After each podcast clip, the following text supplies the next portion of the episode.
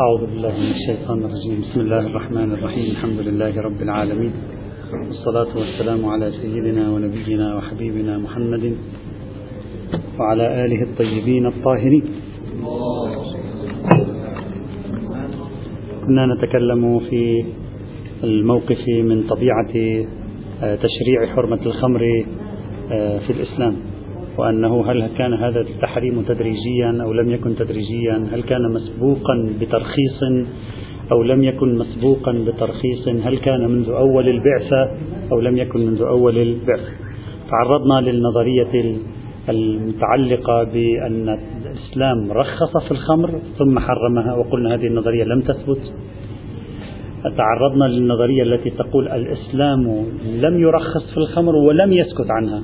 منذ البداية منذ العصر المكي حرمها ذكرنا آه، محاولتان أو محاولتين لإثبات هذه النظرية محاولة العلامة الطبطبائي وناقشناها ست سبع مناقشات وثانيا محاولة أضفناها من داخل الآية القرآنية وأيضا علقنا عليها. هذا قرآنيا.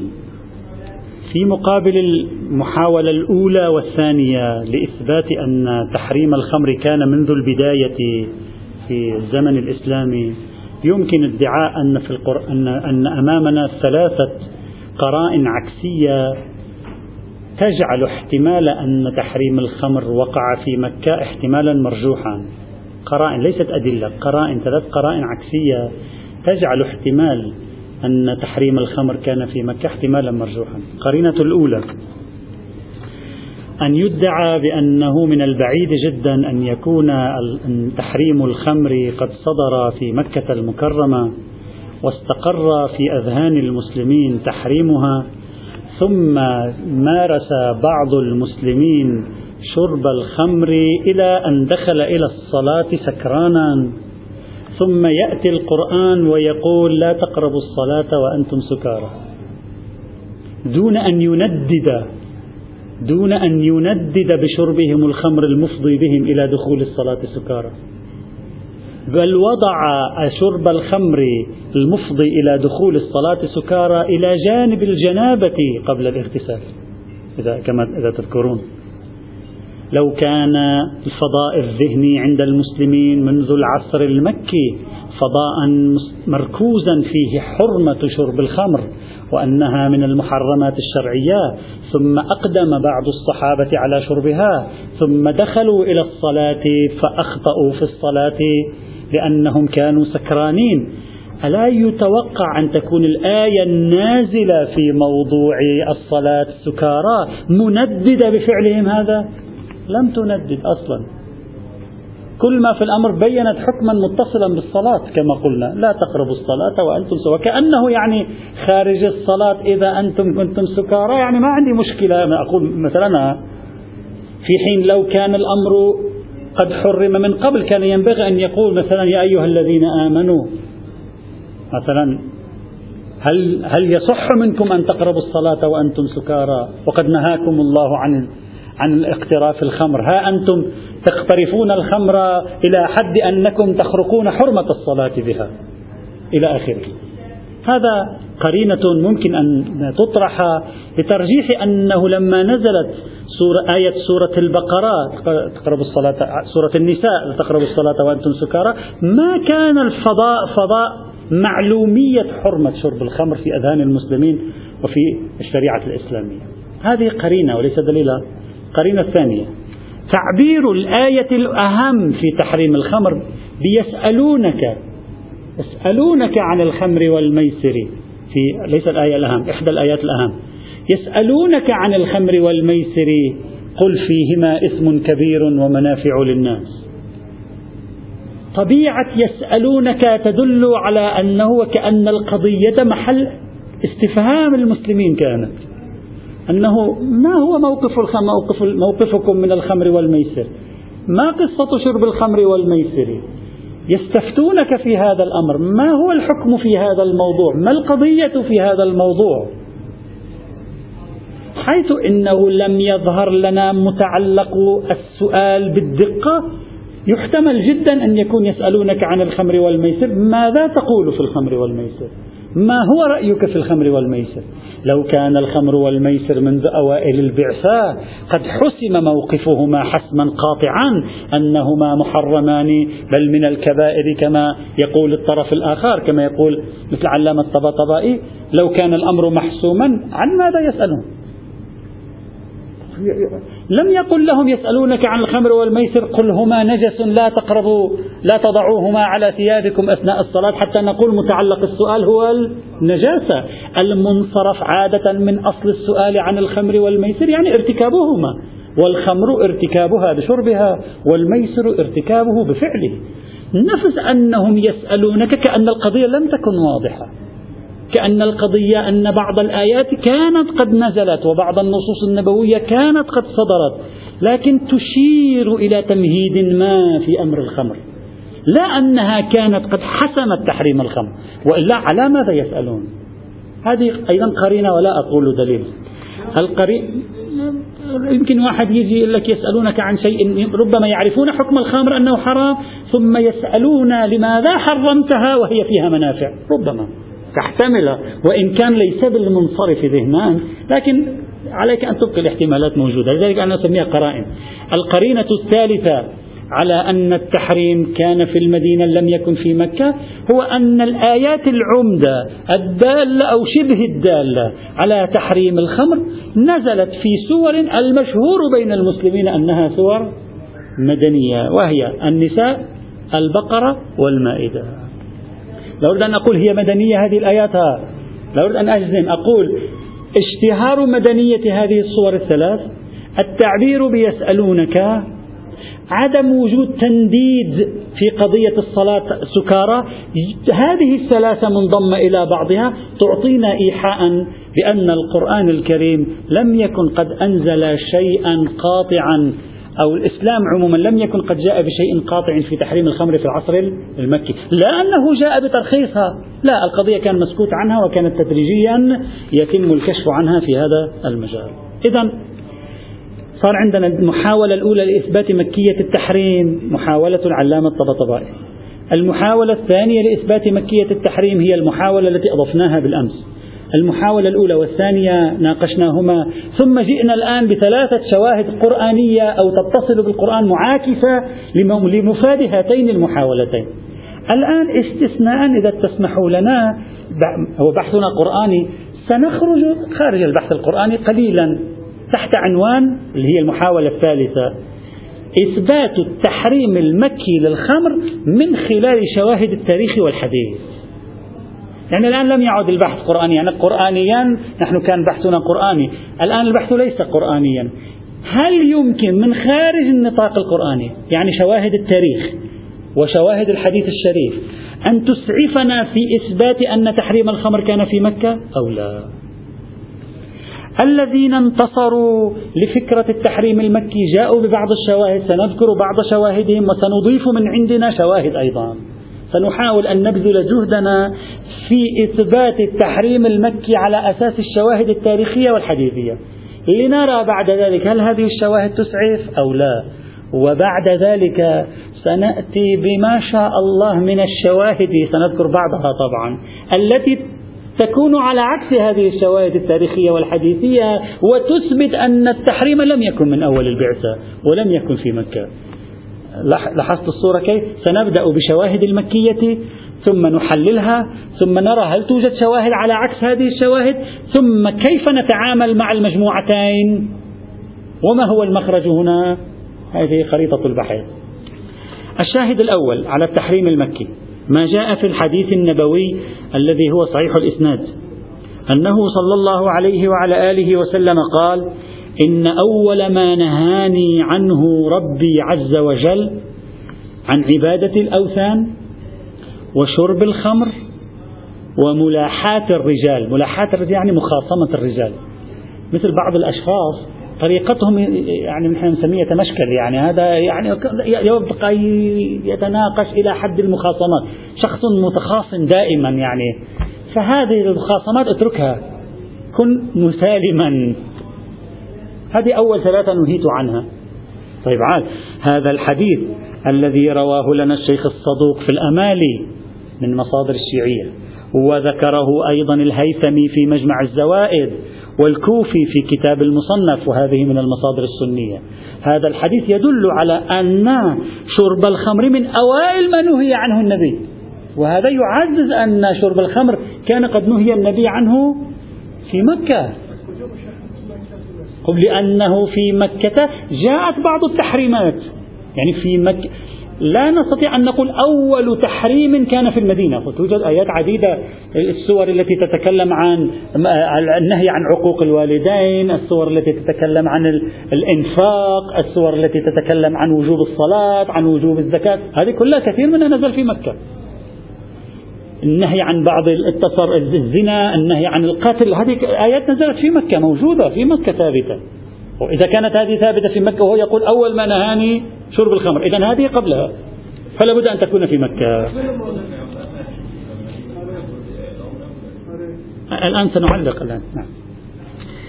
هذا الحديث إذا واضح الدلالة على كون شرب الخمر من أوائل ما حرم على رسول الله صلى الله عليه وعلى آله وسلم بحيث قرن مع عبادة الأوثان. يعني هو انطلاقة المشروع كان عبادة موضوع عبادة الأوثان.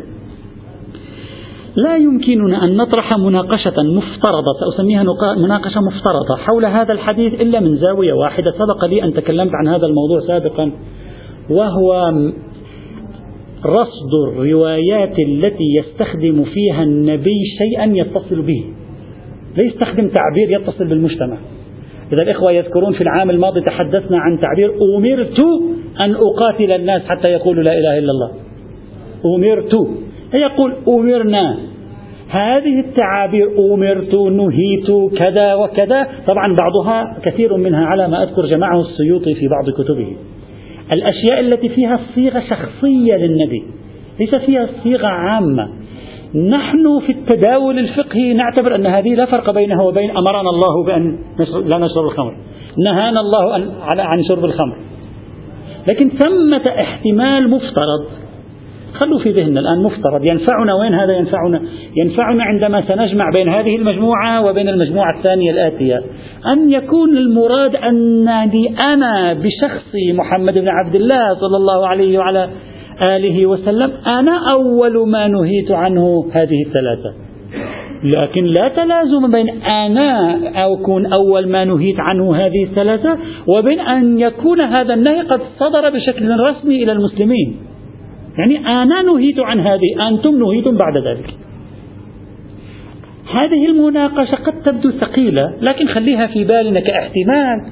قد ننتفع بها كواحدة من أوجه حل المشكلات. بين هذه الروايات والروايات القادمة. لأن الرواية الصحيحة الأساسية في هذه المجموعة هي هذه والباقي كله من حيث قواعد الصنعة الحديثية تكاد لا تعثر على رواية صحيحة في هذه المجموعة غير هذه المجموعة. فخلي هذا الاحتمال في بالنا. يعني أن يكون التشريع المشار إليه في هذه الرواية شخصيا متصلا بالنبي ونحن لا نبحث في التشريع الشخصي المتصل بالنبي نبحث بالتشريع الذي صدر لجمهور الأمة المسلمة. هذا الشاهد الأول. الشاهد الثاني. خبر الريان بن الصلت والوارد في عيون أخبار الرضا. بعض العلماء يصححون سند هذا الخبر. شخصيا عندي مناقشة في سنده. قال سمعت الرضا عليه السلام يقول ما بعث الله عز وجل نبيا إلا بتحريم الخمر. يعني كل الأنبياء بعثوا بتحريم الخمر. خلاص يثبت أن جميع الأنبياء تحريم الخمر ثابت عندهم. لكن هذا الحديث يشبهه أحاديث أخر. لا يفيد شيئا في مقامنا. يعني كل الأنبياء بعثوا بتحريم الخمر. أما هل أول ما بعثوا بعثوا بتحريم الخمر؟ هل بعد سنة صدر الحكم لأممهم؟ هل بعد عشر سنوات صدر؟ نعم موسى بعث بتحريم الخمر. لكن بين تحريم الخمر مثلا قبل وفاته بسنتين مثلا. عيسى على الشكل عينها نوح هم على الشكل عينها هكذا. لا تقول بعث جميع الأنبياء بتحريم الخمر من أول يوم بعثتهم حتى نقول إذا بعث جميع الأنبياء بتحريم الخمر فلا بد أن يكون النبي قد بعث بتحريم الخمر من أول البعثة. لا إلا على مبنى واحد. وهذا المبنى طبعا فيه كلام في الأصول آه، درسناه في ملحقات الاستصحاب إذا تذكرون. وهو إذا جاءت نبوة نبي لاحق ما هو تأثير هذه النبوة اللاحقة على النبوات السابقة؟ في رأيين عند علماء الكلام والأصول. رأي يقول بنفس مجيء النبوة اللاحقة هذه النبوة السابقة نعمل معادلة صفرية نزلت إلى الصفر لم يعد لها وجود. الآن نحن نبدأ من الصفر. ما يأتي من حكم نأخذه ما لا يأتي فهو ترخيص. بناء على هذا الرأي هذه الرواية يرد عليها الإشكال الذي قلناه يعني يرد على الاستدلال بها الإشكال الذي قلناه أما لو قلنا النبوات السابقة بمجيء النبوة اللاحقة لا تصبح صفرا بمجيء النبوة اللاحقة تكون النبوة السابقة ثابتة كأنها هي الشرعية. غاية الأمر النبوة اللاحقة إذا عدلت شيئا يتعدل. إذا نسخت شيئا ينسخ. إذا ما نسخت شيئا تبقى النبوة السابقة ماشية. إذا كان كذلك فمن لحظة بعثة النبي صلى الله عليه وعلى آله وسلم الشرائع السابقة حسب الفرض فيها تحريم شرب الخمر. من لحظة بعثة النبي شرب الخمر حرام. تلقائيا سيكون هكذا. شرب الخمر حرام إلى أن يعدله النبي. لم يعدله النبي بل كرسه. فنقول شرب الخمر في الإسلام محرم منذ بداية البعثة النبوية. بناء على هذا المبنى.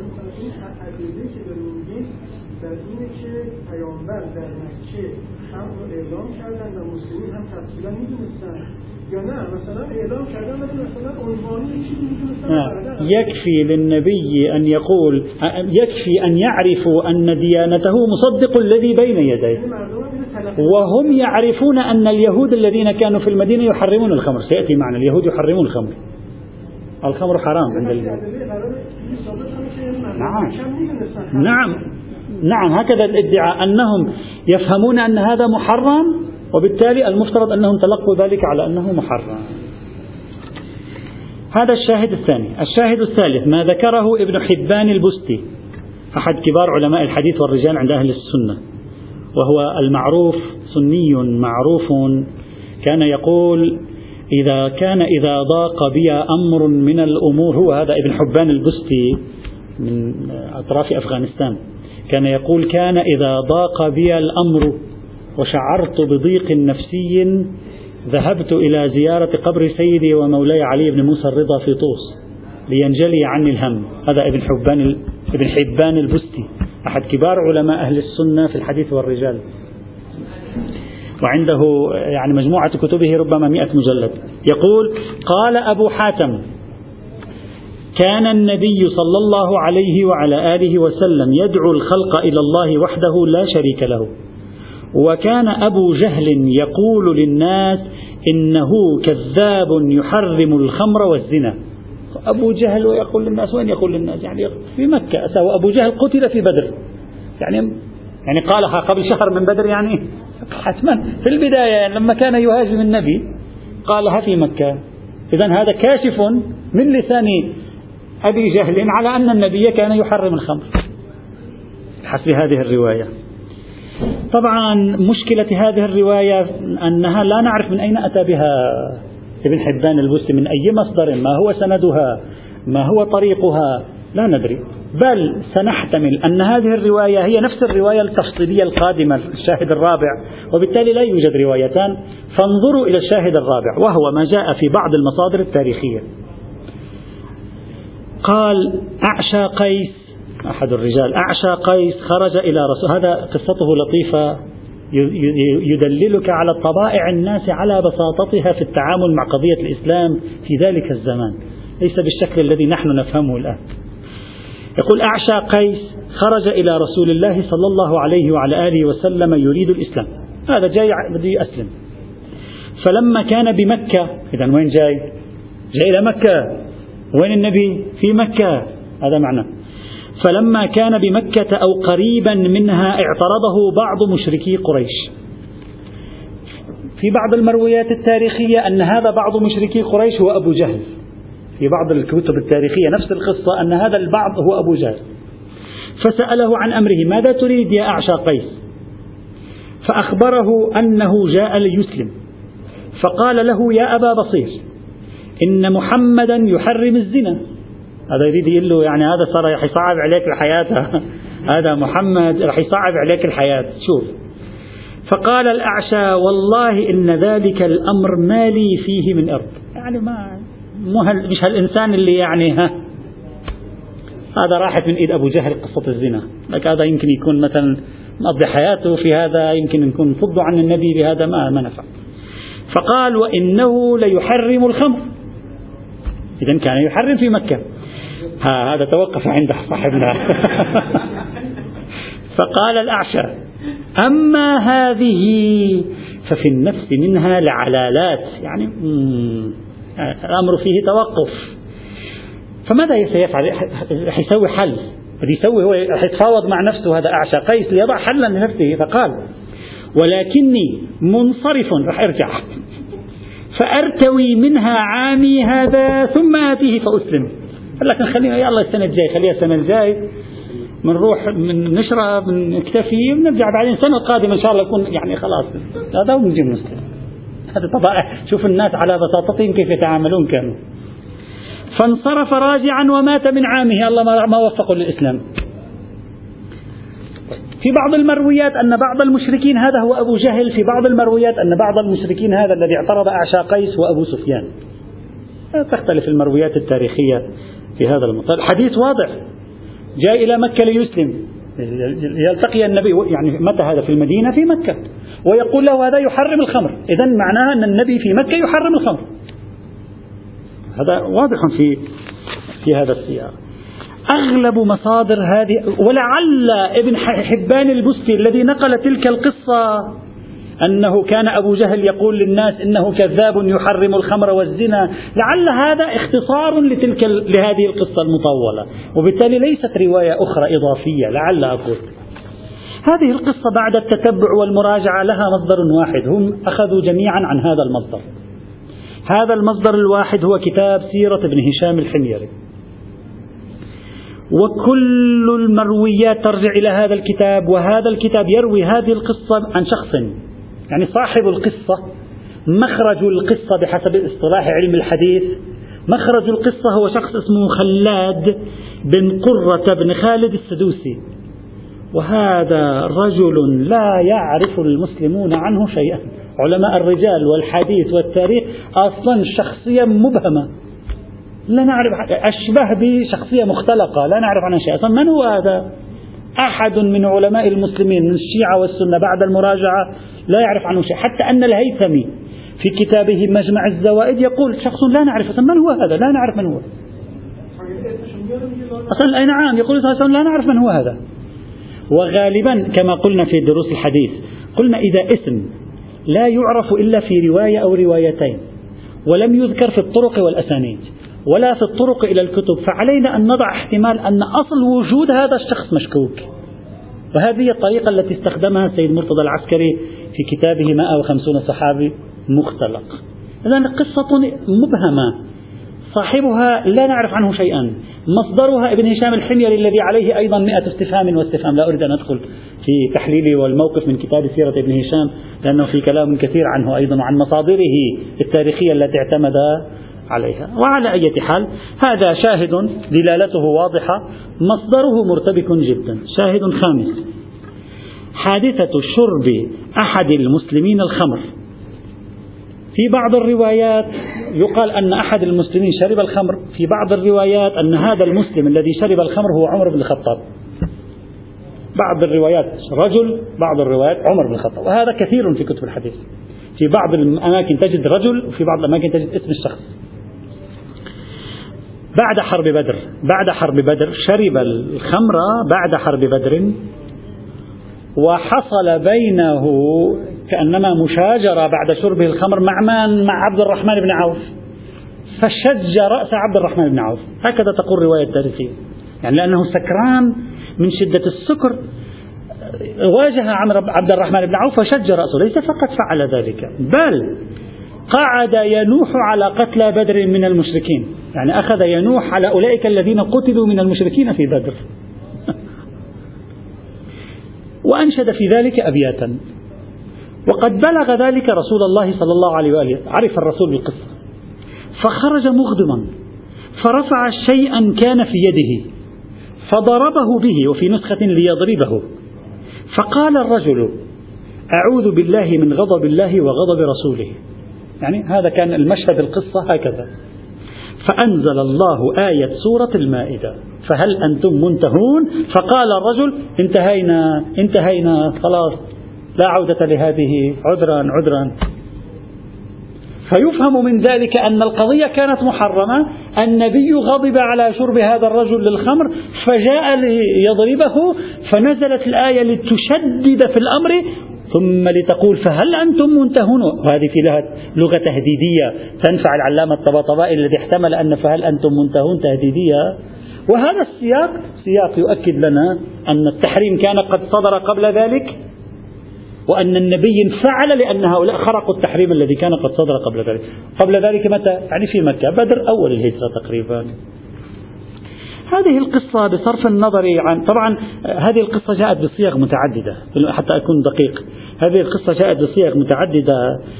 بعض الصيغ ليس فيها هذه التفاصيل كل ما فيها أن عمر بن الخطاب كان دائما هذا معروف في أكثر من رواية كان دائما يطلب البيان الشافي. يعني كان يقول هذه هذا النص لا يكفي للدلالة على الحرمة. نريد بيانا قاطعا يا رسول الله بين لنا أمر الخمر بشكل قاطع. اسمهما أكبر من نفعهما. ليست واضحة. سكرا ورزقا حسنا ليست واضحة. نريد شيئا لا تقربوا الصلاة وأنتم سكارى ليست واضحة. أعطونا شيء واضح في الموضوع. كان دائما بحسب بعض الروايات التاريخية. عمر بن الخطاب يطلب البيان الشافي إلى أن نزلت سورة المائدة. فيقول انتهينا انتهينا. لكن ليس في تلك القصص تفاصيل هذه الأحداث التي وقعت في معركة بدر. على أي بصرف النظر عن التوثيق التاريخي لهذه القصة هذه القصة لا تدلنا على شيء لأننا لا نعرف هل النبي غضب لأجل شرب الرجل للخمر أو لا. إذا الرجل ارتكب ثلاثة أشياء الرجل في الحقيقة ارتكب ثلاثة أشياء. الشيء الأول الذي ارتكبه شج رأس عبد الرحمن بن عوف.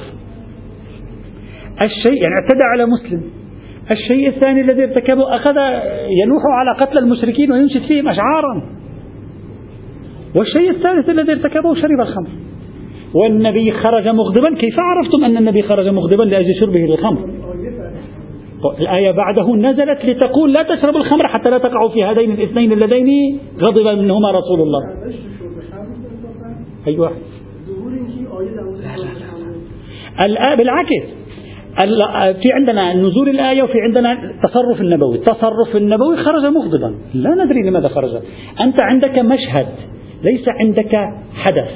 ما معنى مشهد؟ يعني مجموعة وقائع. شرب الخمر شج رأس مسلم وقعد ينوح.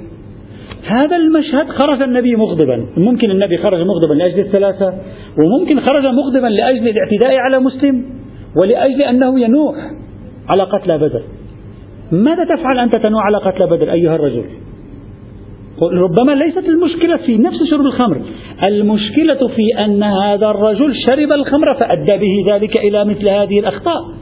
نعم بعد ذلك نزلت الآية لتقول لاحظوا معي لتقول إن شربكم للخمر يؤدي إلى العداوات. شج رأس عبد الرحمن بن عوف. ويؤدي إلى الصد عن ذكر الله وعن الصلاة. وهو الذي يجعله يذكر قريشا ويذكر الشرك ولا يذكر عبادة الله تبارك وتعالى. فيكون التحريم قد جاء عقب هذه القصة التي اشتملت على مفسدتين اعتداء على مسلم وذكر المشركين والشرك بمدح وثناء وليس من من المعلوم أن تكون أن يكون الغضب قد نزل لأجل شرب الخمر لأنه عصى قبل ذلك في شرب الخمر. جاء الرجل قال نعم خلاص أنا لم أعد أشرب الخمر لماذا لا أشرب الخمر؟ حتى لا أعود مرة ثانية إلى هذه الأخطاء التي أخطأتها، لا حتى لا أعود إلى شرب الخمر التي هي في حد نفسها خطأ. يعني أنا لن أشرب الخمر حتى لا أقع في هذه المفاسد فلذلك قال انتهينا انتهينا بنزول الآية القرآنية. بل لأن أي تصرف تتصرف الاضطرار بسوء الاختيار لا ينافي الاختيار. سوء نعم لا. لأن لم لم نعلم أنه خرج أصلا عن حتى لو كان الخمر حلالا لكن أن تشرب بحيث يؤدي شربك إلى أذية الآخرين مرفوض. وهذا لا يحتاج هذا لا يحتاج إلى صدور نص فيه. مثل أن تتناول أي شيء يؤدي إلى أن تشج رأس مسلم أو تفعل أي شيء يؤدي إلى أن تمدح الكافرين. إيقاع نفسك في هذا مرفوض. لا أن النفس شرب الخمر هو يحد نفسه حلال فالآية أو القصة ليست واضحة. لذلك الآية القرآنية الثانية قالت إنما يريد الشيطان ليوقع بينكم العداوة والبغضاء. لكي يشرح أن مشكلة الخمر في هذه النتائج التي وقع فيها هذا الرجل. سواء كان عمر بن الخطاب أو شيئا آخر. وعلى حال هذا شاهد سنحافظ على هذه الشواهد بمقدار دلالاتها. طيب. الشاهد السادس في هذا الإطار في كلام كثير مصادر التاريخية. شاهد سادس ما ذكره أيضا بعضهم قال الذين ينفون تحريم الخمر في مكة ويثبتون تحريمها في المدينة اضطربوا فيما بينهم. بعضهم قال حرمت سنة أربع للهجرة, للهجرة. بعضهم قال حرمت سنة خمس للهجرة. بعضهم قال حرمت سنة ست للهجرة. اضطرابهم فيما بينهم يدل على أن قصة نزول تحريم الخمر في المدينة مختلقة. لاحظوا هذا هذا شاهد. قال لو كانت الخمر قد نزل تحريمها في المدينة لما اضطربوا فيما بينهم في متى بالضبط حصل تحريم الخمر؟ بعضهم يقول أربعة الهجرة بعض يقول خمسة الهجرة بعض يقول ستة الهجرة بعضهم يقول بعد وقعة بني النضير بعضهم يقول أول الهجرة بعضهم يقول بعد معركة الأحزاب بعضهم يقول عام الحديبية. وهذا كله شاهد. على أنها لم تنزل في المدينة. ولو نزلت في المدينة لاتضح الأمر لهم. كل هذه مختلقات. اختلقوها؟ الآن سنقول لماذا اختلقوها بحسب رأي الباحثين اختلقوها لأجل أن يبرروا سلوك بعض الصحابة. لأجل أن يبرروا سلوك بعض الخلفاء. أنهم كانوا يشربون الخمر ويرتكبون المعصية في شرب الخمر هذا الشاهد وهذا الشاهد من أغرب الشواهد التي أراها في حياتي ورأيتها عند بعض الباحثين في التاريخ المعاصرين ولا أذكر اسمه. يستخدمها كثيرا عندما يريد أن ينفي شيئا. إذا كان النص مترددا في التاريخ الدقيق للنزول مقتضى القاعدة أن نأخذ بالقاسم المشترك بين جميع هذه الروايات التاريخية. والقاسم المشترك نزول في المدينة. وهكذا يتشكل التواتر عادة. دلني على واقعة تاريخية لم يختلفوا في تفاصيلها. كثير وقائع تاريخية اختلفوا في تفاصيلها. بالأمس كنا نتكلم عن تاريخ وفيات أهل البيت. ما من آه ما من إمام من الأئمة إلا واختلفوا في تاريخ وفاته. يعني نقول أنه لم يتوفى. هذا اختلاق لتاريخ الوفاة. عشرات من الموارد من الوقائع التاريخية اختلفوا في تفاصيلها. نأخذ القاسم المشترك نقول ثبت بالتواتر المعنوي والتفاصيل لا نثبتها لأنها متعارضة. لا نعرف متى نزلت. في الأحزاب في الحديبية إلى آخره.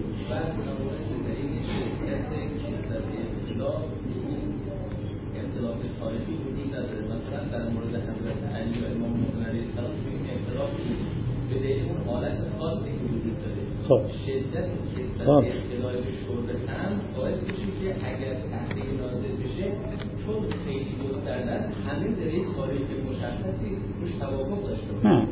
تحريم شرب الخمر لا يساوي شهادة الإمامين.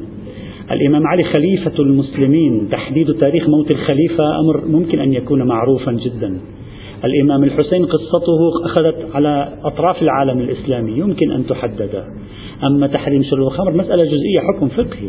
في مكان محدد في المدينة المنورة لجماعة لا يتعدى عددهم 4000 واحد. نحن ما نتكلم عن موت خليفة سلطته ممتدة على امتداد العالم الإسلامي. حرمته؟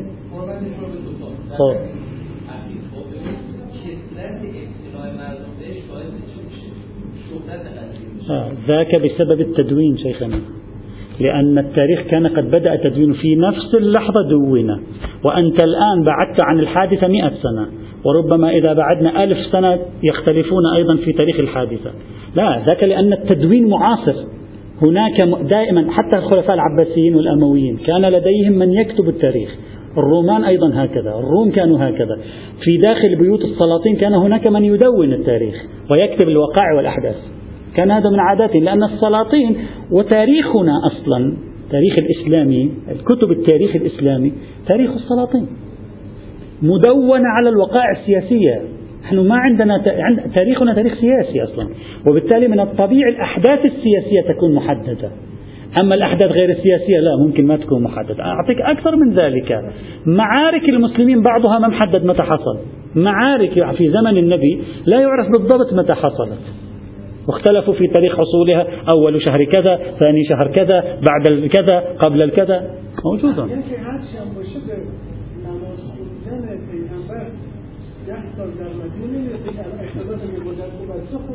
تاريخ تشريع الصلاة هم أيضا محل اختلاف بين المسلمين. تاريخ تشريع الصوم هم أيضا محل اختلاف. هو برأيه نعم أول البعثة. هو لا يوجد تيار واسع يقول بأنها نزلت في مكة. قلت أنا قبل أيام قلت الذين يقولون بنزولها في مكة هم قلة بين المسلمين. اشتهر هذا الرأي مؤخرا بسبب العلامة الطبطبائي وكتب فيه بعض الكتاب المعاصرين بعد العلامة الطبطبائي بهدف مذهبي أصلا ليثبتوا أن الخلفاء وبعض الصحابة كانوا يشربون الخمر بعد تنزل تحريمها. هم يقولون ذلك. ويقولون كل هذه قصة أن الخمر حرمت في المدينة تزوير عباسي وأموي ولا وجود له إطلاقا. لا أول البعثة. هكذا. ويقول لك أول البعثة. خلاص منذ أن جاء النبي هكذا. هم أصلا لا يضطرون يحدثوا أيضا. إذا هذا الشاهد غير واحد إذا هذه هي الشواهد الأساسية والعمدة التي يطرحونها لكي يثبتوا أن التحريم قد نزل في مكة ولم ينزل في المدينة المنورة. هذا خلاصة الأفكار التي يطرحونها هناك كتاب لا بأس إذا إخوة يريدون مزاج هذا النمط من الكتب. الدكتور نجاح الطائي عنده كتاب في 272 صفحة اسمه الصحيح تحريم الخمر أول البعثة كل الكتاب من أوله إلى آخره حشد الشواهد التي هي قوية وغير قوية. لكي يثبت هذه الفكرة المركزية أنه حصل تزوير كبير في التاريخ والتحريم كان من بداية البعثة والتزوير سببه تبرئة الصحابة والخلفاء من ارتكاب بعض الكبائر في زمن النبي وعلى مرأى النبي ومسماه وأن القصة كلها في هذا الإطار. هذا بإمكان الإخوة إذا أرادوا أن تعجبهم هذه البحث هذه المجموعة الأولى. طيب هذه المجموعة رأينا الآن أربع خمس شواهد هي العمدة باقي الشواهد ما فيه. أربع خمس شواهد هي الأساسية وعمدتها الحديث الأول اللي هو الصحيح النبوي. في مقابل هذه الشواهد حتى نستقصي يجب أن نأتي بالشواهد المعاكسة لهذه الفرضية. والموجودة في كتب الشيعة والسنة وفي كتب التاريخ والحديث أيضا. هل توجد شواهد على أن التحريم لم يكن موجودا في مكة أو لا؟ الحق والإنصاف إن الشواهد على ذلك كثيرة. كثيرة يعني لا, لا يمكنني أن أحصيها لا أريد أن أحصيها فقط أقتصر على ذكر أربعة عشر شاهدا وبقية الشواهد على نسق هذه الشواهد. بعضها قوي جدا بعضها متوسط القوة. أذكر اليوم شاهدا وغدا نكمل. الشاهد الأول ما ذكره الشيخ الطبرسي في مجمع البيان مرسلا أن آية لا تقربوا الصلاة نسخت بآية تحريم الخمر وأن ذلك مروي عن موسى بن جعفر الكاظم عليهما السلام. يعني رواية مرسلة في مصدر تفسيري إمامي عن الإمام الكاظم عليه السلام أن آية لا تقرب الصلاة نسخت بآية تحريم الخمر اللي هي آية المائدة. ما معنى ذلك؟ معنى ذلك شهادة صريحة. هذا هذه لا أريد أن أخذ بها. شهادة صريحة أن لا تقرب الصلاة دلت على الترخيص. وهي رواية إمامية مرسلة دلت على الترخيص حتى جاء نسخ. وإلا لو كان هناك مجرد سكوت لا يسمى الدليل القادم نسخا بل يسمى إنشاء تشريع بعد عدم تشريع. فهذه رواية شاهد على أن التحريم لم يكن منذ بداية البعثة النبوية. رواية أخرى أيضا. لنا مرسلة نعم. الشواهد تلك أيضا كلها ضعيفة الإسناد إلا الأولى. خبر علي عليه السلام عن رسول الله صلى الله عليه وعلى آله وسلم قصة طويلة يقول وذلك قبل تحريم الخمر. قلنا سابقا العلامة الطباطبائي تورط في كلمة قبل تحريم الخمر وأولها لأنه لاحظ أن هذه الكلمة مكررة بشكل بشكل كبير. وهذه الرواية تقول وذلك قبل تحريم الخمر. شاهد ثالث يأتي إن شاء الله تعالى.